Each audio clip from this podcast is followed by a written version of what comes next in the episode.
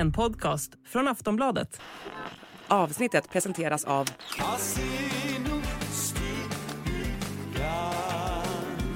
Stödlinjen.se, åldersgräns 18 år. Hej och välkomna till Kungligt. Jag heter Sara Eriksson. Och jag heter Jenny Alexandersson.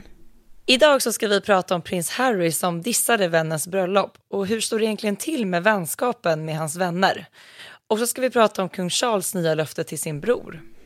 Och självklart så tar vi upp eh, prinsessan prinsessa Madeleine och flytten som blev flyttad.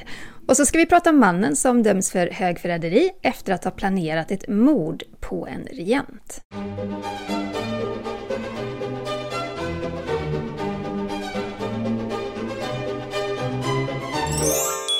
Och vi börjar med veckans Harry och Meghan.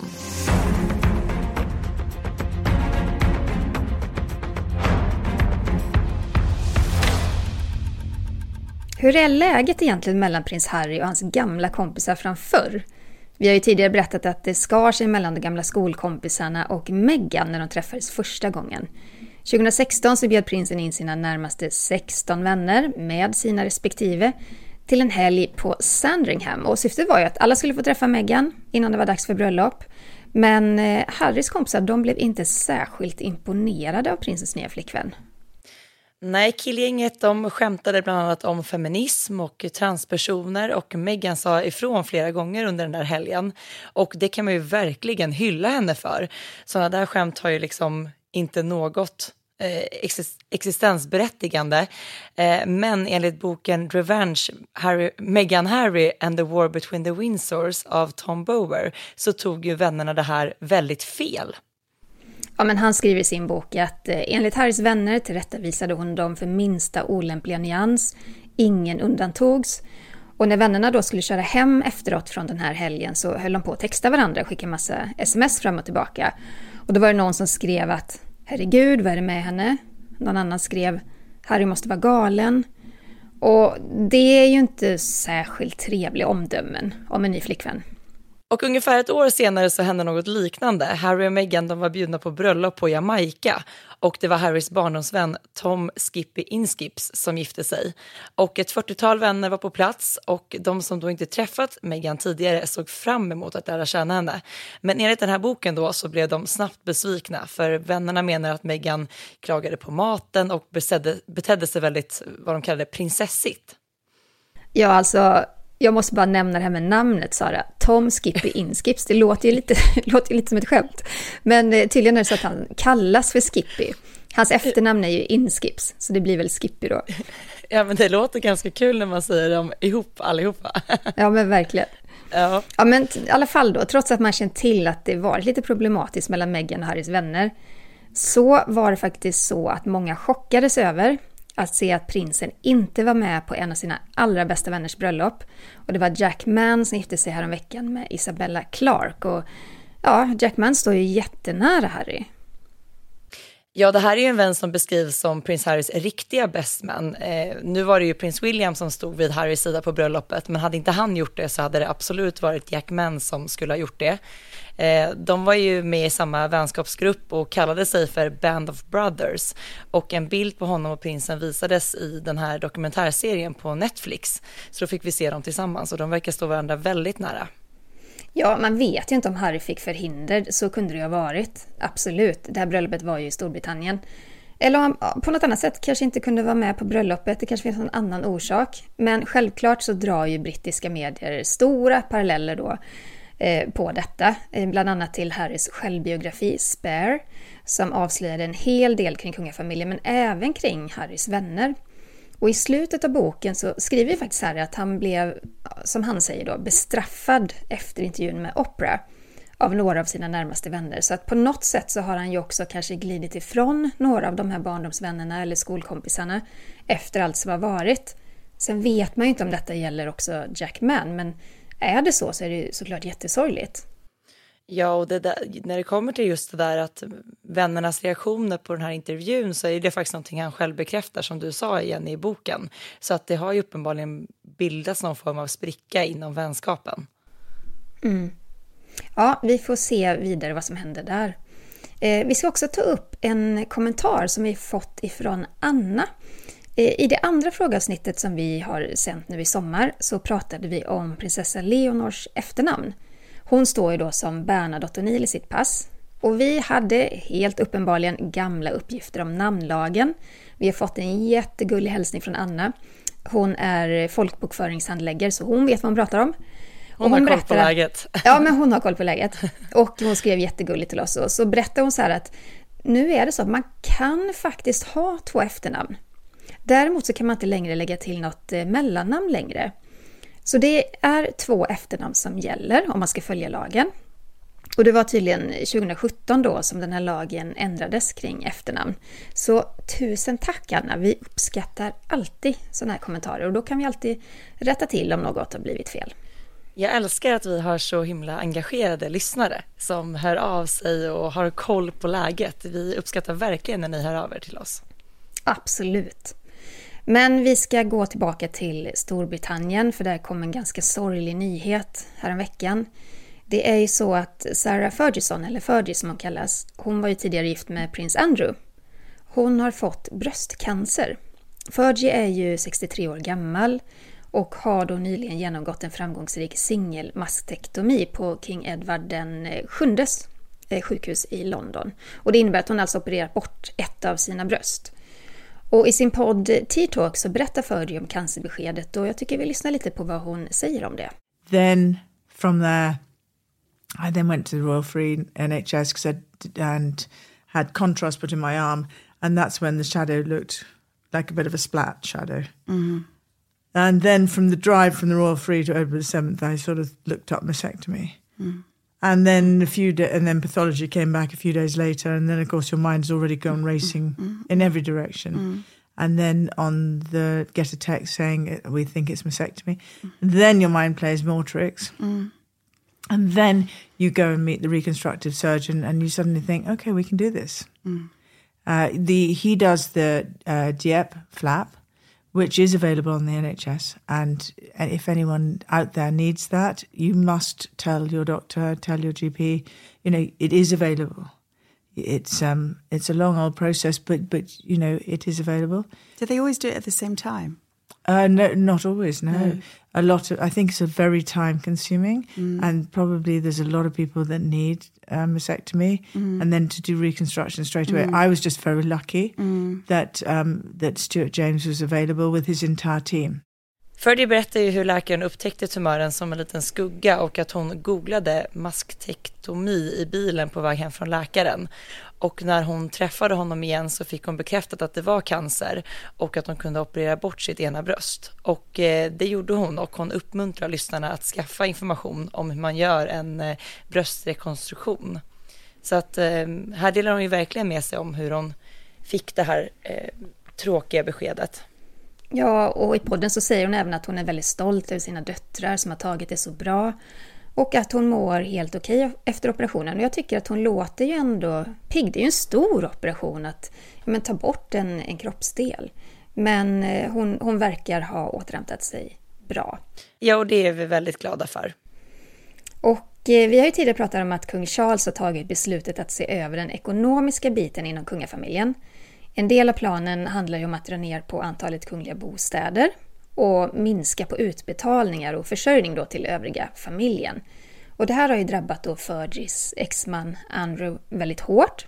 Och som ni vet, eh, prins Andrew och Fergie, de bor ju tillsammans. Eh, de bor ju på Royal Lodge och det är ett stort hus, så de har väl typ varsin del av det här huset. Men eftersom Andrew inte längre är en arbetande kunglighet sedan 2019 så har han inte samma berättigande till de här pengarna som ja, en del andra i familjen. Och kung Charles använder ju de inkomster som han, han får ifrån hertigdömet Lancaster till att försörja familjen. Och de pengarna säger man kommer från private purse och har ingenting att göra med apanaget från staten.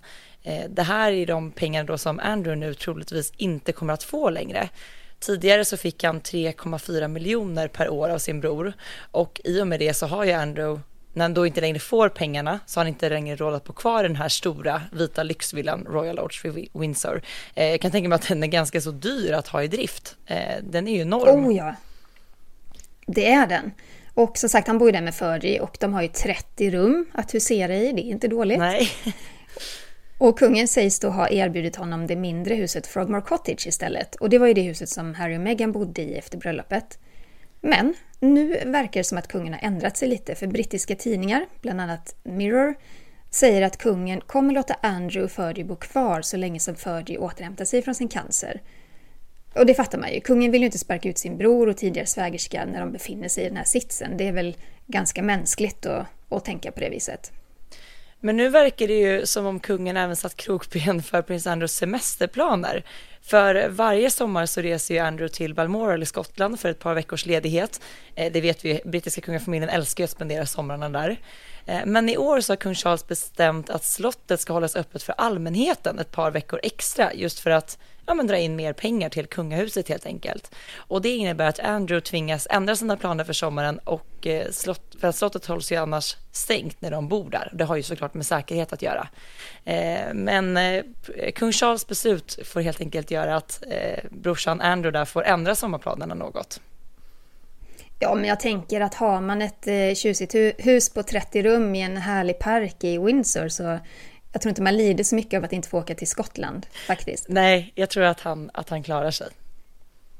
Och sen har det också pratats om att Andrew vägrar flytta ut från Royal Lodge. Det här var innan man fick veta att det var cancer i familjen och sådär. Men eh, som sagt, han kommer inte ha råd att underhålla det där slottet. Så att, vad har han för val egentligen? Nej, och jag menar hur ser, alltså Andrew har inte varit en arbetande kunglighet sedan 2019. Eh, det kommer ju inte hända att han kommer kliva tillbaka in i den kungliga värmen heller. Så frågan är liksom vad han ska, eh, ja men hur han ska skaffa sig en inkomst. Det är nog ganska så klurigt mm. för honom. Absolut. Men Sara, på tal om flyttar. Jag vet inte hur många frågor jag har fått, hur många kommentarer jag har fått, både på sociala medier och på mail och sådär. Men vi måste ta upp det här med prinsessa Madeleines flytt. Ja. Det var ju nämligen så här, ja, det var ju så här att i mars så meddelade hovet att prinsessa Madeleine med familj, de flyttar hem till Sverige. Och att barnet till hösten då ska ja, men börja skolan i Stockholm helt enkelt. Och eh, ja, men hovet de, de meddelar att den här flytten den var planerad till augusti i år. Men den 27 juni så kom andra besked. Ja, då meddelade de att eh, flytten, eller flyttplanen har skjutits fram till 2024 och HVs informationschef Margareta Thorgren berättade för Expressen att eh, helt enkelt förberedelsetiden varit för kort och hon fick även frågan då om det handlar om frågor kopplade till Migrationsverket och då svarade hon att det varken är ett migrationsärende, husförsäljningen eller något sådant. Hon sa, eller hon sa bland annat så här till Expressen, citat, det är helt enkelt att tiden för familjen med allt som en flytt innebär, den har varit lite för kort, slutcitat. Ja, och så är det säkert. Men det är klart att det är lite speciellt att, eh, att meddela i mars en flytt och sen ett par månader senare då ta tillbaka det och säga att nej men de kommer vänta ett år. Det känns som att det har ju varit lite hipp som happ och fram och tillbaka här. Ja, och jag tänkte också för att när man först då kommunicerade det här med flytten så var man ju ändå tydliga med att berätta att det var i augusti som det var, var planerat att ske. Och nu är det ändå så här 2024, det kan ju vara när som helst under nästa år. Så det är ju lite mm. oklart mm. när det här kommer att ske. Och det är ju också så att mycket ska till innan hovet går ut med ett sånt här besked. Det är ju ett besked som rör prinsessan och hela hennes familj och hela deras tillvaro. Att flytta från USA till Sverige, det är ju ett... Det har krävts mycket förberedelser och mycket har hänt bakom kulisserna innan hovet går ut med sånt här meddelande. När de går ut med meddelandet så vet man ju att det kommer bli en flytt. Ja, Eh, nej men det här har ju skapat ganska mycket, ja men som du säger, man får väldigt många frågor om det här och många undrar vad det egentligen är som har hänt och varför man har valt att senare lägga flytten. Eh, det här kommer vi såklart att följa och prata mer om här i podden. Eh, men det vi vet, även om flytten inte blir av som planerat i augusti så vet vi att eh, prinsessa Madeleine med familj är i Sverige nu eh, och verkar som att de ska spendera sommaren här och de kommer ju att delta vid firandet av kronprinsessan Victorias 46-årsdag också.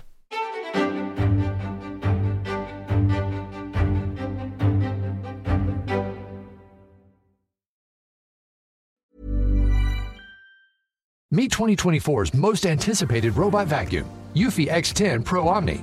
With powerful 8000 PA suction and MopMaster's dual mop pads, it keeps your floor sparkling clean It's the winner of five Best of CES awards, and Digital Trends says it boasts almost all the same features as robot vacuums that cost twice as much. Want to know more? Go to eufy.com, that's EUFY.com, and discover X10 Pro Omni, the best in class all in one robot vacuum for only $799.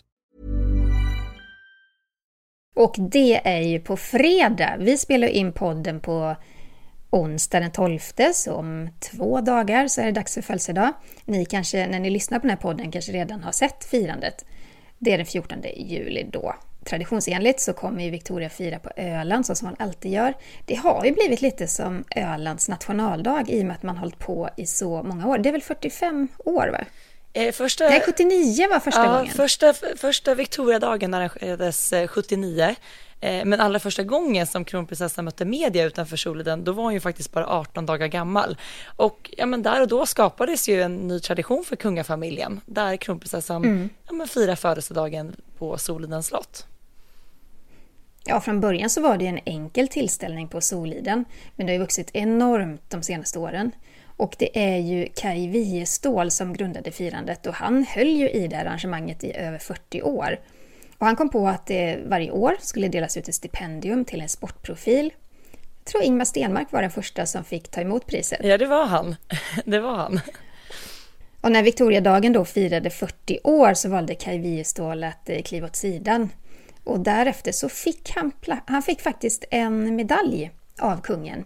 En medalj i åttonde storleken med motiveringen för förtjänstfulla insatser som initiativtagare och ansvarig för Victoriadagarna på Öland. Och jag har ju träffat Kai jättemånga gånger. Alla de år man har varit där nere på Öland och bevakat Victoriadagen så finns ju han, eller fanns ju han där. Otroligt trevlig och charmig man. Men tyvärr då så 2020 under pandemin så, så dog Kaj Wiestål eh, efter att fått eh, covid-19 helt enkelt. Jättetråkigt. Ja, och eh, numera så pågår ju firandet under hela veckan och heter ju faktiskt inte längre Victoriadagen utan Victoriadagarna.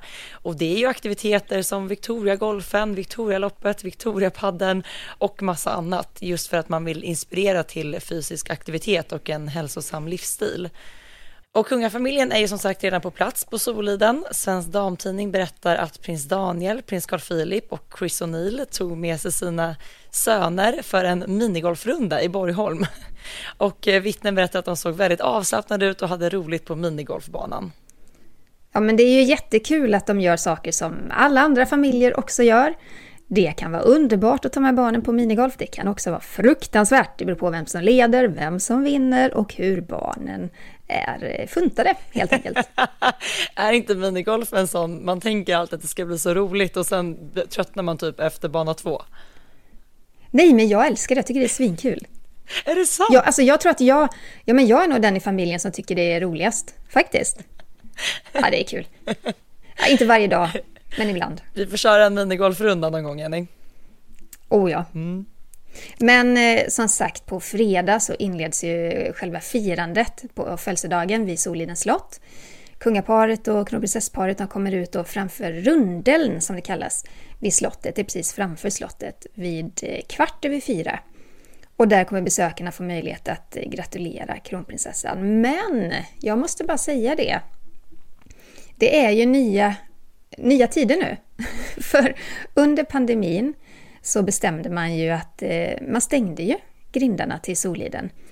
Stora folkmassor fick ju inte samlas på det viset så att man firade ju på, på ett annat sätt.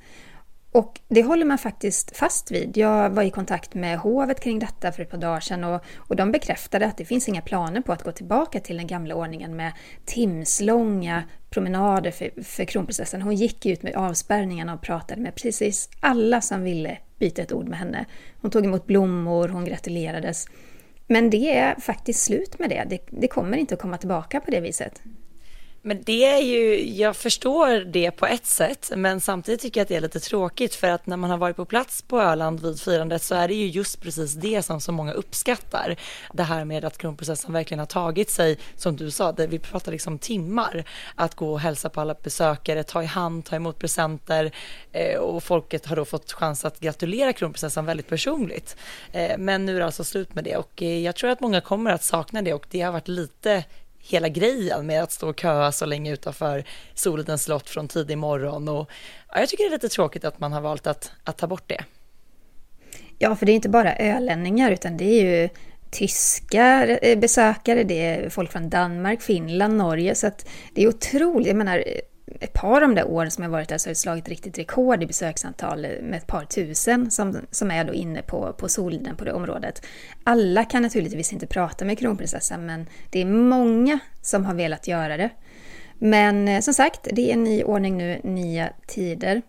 Men efter det kronprinsessan då med familj har kommit ut utanför slottet så ska ju kungen som vanligt då, hur, eh, vanligtvis hurra för kronprinsessan. Man sjunger Ja må leva.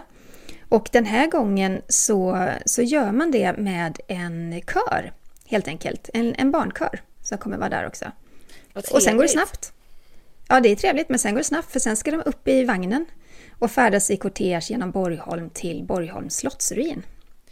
Ja, och där fortsätter ju firandet med konsert och kronprinsessan ska dela ut Victoriapriset. Och årets pristagare är hockeyspelaren Erik Karlsson som under fjolår, fjolårssäsongen blev första back på 30 år att nå 101 poäng på 82 matcher. Och eh, den här konserten sänds ju sen i SVT1 med start klockan 9 på kvällen. Och på plats här vid eh, konserten så kommer även prinsparet och prinsessparet att vara. Och sen kommer vi ju absolut troligtvis få se Estelle och kanske Oscar också. Han är ju så pass stor nu så han skulle nog orka med och sitta där under kvällen. Däremot kommer vi inte få se Madeleine eller Carl Philips barn utan det är fullt fokus på födelsedagsbarnet och hennes familj. Jag tycker alltid det där brukar vara en väldigt trevlig konsert. Jag tycker det är så fint eh, sen de flyttade det till eh, Slottsruinen. Det är en häftig miljö för konsert. Tidigare var det ju på Borgholms IP. Eh, så jag tycker det är ja, lite, lite pampigt. Absolut, men alla är inte lika glada. Nej, det är nämligen så. Det är nämligen så att på, i Slottsruinen så tar man inte emot lika många Eh, i publiken som man gjorde på idrottsplatsen. Där kunde det vara eh, flera tusen, eller ett par tusen i alla fall. Det är det inte i Slottsruinen. Och det var också något kommunalråd, minns jag, för var det två år sedan som klagade högljutt på att eh, det var väldigt många VIP-biljetter för ja, sådana som sponsrar eventet som då skulle få sitta där och ja, men det kanske var högst 300 eh, biljetter som såldes till allmänheten. Så att man får väl ta det goda med det onda på något sätt. Det blir mycket finare tv i Slottsruinen eh, för de som sitter hemma och firar. Men lite trist för ölänningarna och besökarna. Ja. Men nu ska vi prata om något eh, skrämmande faktiskt. Vi tar oss tillbaka till Storbritannien. En man döms nu för högförräderi efter att ha planerat att döda drottning Elisabeth. Ja, men det här måste vi ju ta från början, eller hur? Eh, julen 2021 så firade ju drottning Elizabeth jul på Windsor Castle. Eh, vanligtvis så brukade hon tillsammans med familjen alltid fira på Sandringham. Men på grund av pandemin så stannade hon på Windsor. Och julfirandet kunde ju faktiskt ha fått en fruktansvärd vändning. Ja, den då 19-åriga Jaswant Singh Shahil planerade att attackera och faktiskt ta livet av drottning Elizabeth under julfirandet. Han bröt sig in på området på morgonen och han närmade sig drottningens bostad. Han gick tydligen runt på området i över två timmar. Ja, till slut då så upptäckte vakterna honom. Jag kan ändå bli så förvånad över att han så lång tid kunde mm. röra sig på området. Ja, det är Men han var, mas ja, han var maskerad och när vakterna frågade honom vart han var på väg så svarade han att han var där för att döda drottningen, så han sa ju det rätt ut. Ja, de upptäckte ju då att han var beväpnad med ett eh, armborst och vakten han drog sin elpistol och eh, ja, men grep honom helt enkelt. Och nu så döms han för högförräderi och han blir faktiskt den första personen som döms för det här sedan 1981. Och i utredningen som presenterats så framkommer det att han flera dagar innan händelsen publicerade en video på TikTok där han då delade med sig av sin plan. Och motivet förklarar han som en hämnd för dödsoffren i massakern i indiska Jallianwala Bagh 1919 då brittiska trupper öppnade eld mot tusentals personer i en folksamling. Och i februari så erkände han då att han varit beväpnad och att hans mål var att skada och döda drottningen. Och i domstolen så framkom även att det var en AI-robot som uppmuntrade honom till den här handlingen. Och eh, det är klart att det väcker ju en stor oro över farorna just med de här AI-robotarna. Och eh, han ska då ha skrivit till roboten och berättat om sin plan och då fått svaret att det var mycket klokt och att roboten ska ha uppmuntrat honom till att du kommer klara det och så vidare. Och han var klädd i en metallmask som var inspirerad av Star Wars och så hade han då det här eh, laddade vapnet med sig. Och i rätten så framkommer det även att han då inspirerats av Star Wars och den här karaktären Sith Lords i den här viljan att skapa en ny värld. Så han levde verkligen i någon slags fantasivärld. Och några dagar innan han reste till Windsor så köpte han en doftdödare för att maskera lukt samt någon slags nödflyktsstege som han då förmodligen tänkte använda när han då skulle fly från slottet efter mordet.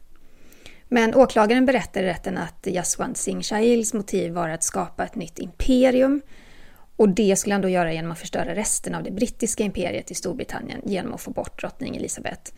Och det framkommer även att Jaswant sökt då tjänster inom militärpolisen och brittiska armén i ett försök att komma närmare kungafamiljen. Och det är ändå läskigt när man hör allt det här för att det här är ju en man då som haft under lång tid haft planer på att ta livet av eh, drottning Elizabeth. Ja, jag läste någonstans att de hade planerat det här i över ett års tid. Eh, så han är verkligen, det här är verkligen någonting han har gått och tänkt och planerat för. Eh, det var ju väldigt tur att vakterna stoppade honom och att det nu blev som det blev. Men eh, väldigt, väldigt otäckt. Och som du var inne på Jenny, att han också kunde gå runt på området i två timmar innan han blev upptäckt. Mm. Men det är ju också faran med sådana här enskilda galningar. Eh, och det har man ju sett vid andra terrordåd också att ja, men det är någon som är lite psykiskt sjuk, eller mycket psykiskt sjuk, får för sig någonting, kanske stalkar någon och sen, sen till slut så tar livet av någon. Det är fruktansvärt, oerhört läskigt. Men just det här men med att... han är inte... Ja, förlåt. Ja, förlåt. Om ni undrar varför vi ibland pratar i munnen på varandra så är det för att vi sitter i två olika delar av landet.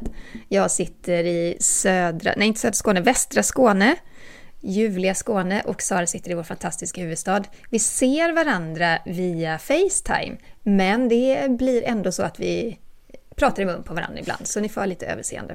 Jag kan meddela dig Jenny att jag sitter kvar i huvudstaden men drömmer mig härifrån. Nu är det bara några dagar kvar till semester. Ja, vad skönt. Ja. Åh, vad bra för dig. Underbart. Men om vi kommer tillbaka till eh, ämnet så är det så här att eh, den här Jaswant Singh Shahil, han är inte den enda som lyckas ta sig nära kungligheter. 1982 så lyckades Michael Fagan ta sig upp för ett stuprör på Buckingham Palace och tog sig faktiskt in på slottet via ett fönster. Han hade nyligen blivit dumpad av sin flickvän, han var full som en alika kan man säga. Och så fick han bara för sig att jag ska, ta mig, jag ska ta mig in på slottet. Och när han då på fyllan klev in genom det fönstret så var han tydligen bara några centimeter från en städerska. Hon upptäckte honom och sprang och hämtade en vakt. Men Michael gömde sig och när vakten kom så trodde han att städerskan bara hade inbillat sig. Och det här är så sjukt Sara. Alltså han stannade kvar inne på slottet i två och en halv timme utan att bli upptäckt. Han satte sig bland annat på drottningens tron, du vet den här den stora tjusiga tronen. Han öppnade en av eh, ja, dåvarande prins Charles vinflaskor, drack upp den. Han kissade i en hundmatskål innan han då tog sig ut från slottet. Det är sjukt. Ja men det är, det är så sjukt och sjukare blir det ju för att det var ju inte slut där. För bara två dagar senare så bröt han sig in igen på slottet. Han fick för sig att det var dags att testa en gång till. Och då den här gången så hamnade han nästan direkt i drottningens sovrum.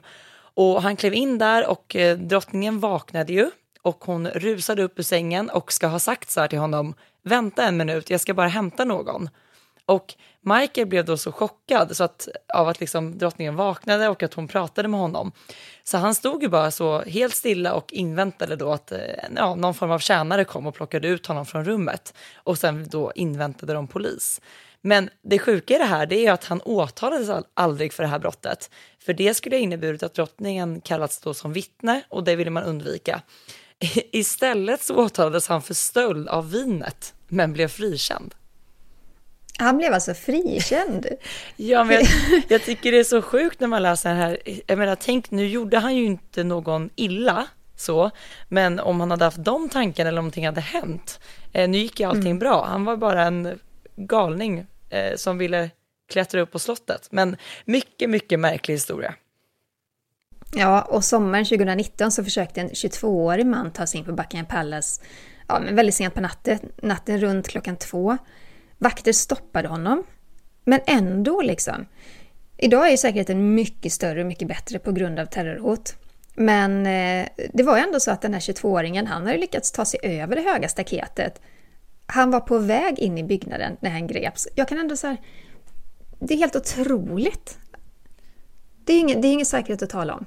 Jag tycker det är också helt otroligt hur man lyckas ta sig över de staketen om man tar en liten kik på hur höga de är utanför Buckingham Palace. Men eh, nej, det, är, det är mycket otäckt när, det här, när sånt här händer och att de lyckas komma så långt, alla som har försökt. Ja, ja men verkligen. Hörni, vi har närmat oss slutet på podden. Det kommer komma fler så kallade frågeavsnitt som vi spelar in lite i förhand för att vi ska kunna vara lediga. Eh, vill ni ställa en fråga så skicka det till kungligt aftonbladet.se. Vill ni ha dagliga nyhetsuppdateringar så följ oss på sociala medier. Var finns du Sara? Man hittar mig på Instagram under namnet royalistan.se och var hittar man dig? Eh, Instagram kungligt med Jenny heter jag där. Och med det så vill vi såklart önska er alla en jättefin sommar och eh, om ni har långtråkigt så tycker jag ni ska lyssna i kapp på, eh, ja men det finns ju många avsnitt här i arkivet på Kungligt, eller hur Jenny? Oh ja, det gör det. Det finns ett par hundra va nästan? Jajamän. Ja, och eh, nu tar vi två veckors semesteruppehåll så vi är tillbaka vecka 31. Ja, med ett maxat frågeavsnitt ja. blir det då. Ja, så vill ni ställa frågor så kan ni skicka in det till kungligt aftonbladet.se. Du, det märks att vi behöver lite semester, Sara. Jag tycker liksom att vi rundar av här. Både du och jag, vi kan ju berätta för lyssnarna att eh, det har varit en hel del skratt och snubbel på ord. Jag tror att våra, våra hjärnor redan Alltså jag är ju egentligen redan på semester, men du ska ju på semester nu om ett par dagar. Ja, men det känns lite som att hjärnan har, har någonstans redan checkat ut. Eh, det har den, det kan jag tala om. Men eh, hörni, älskade lyssnare, vi hörs om två veckor igen. Ha det så bra! Hej då! Hej då!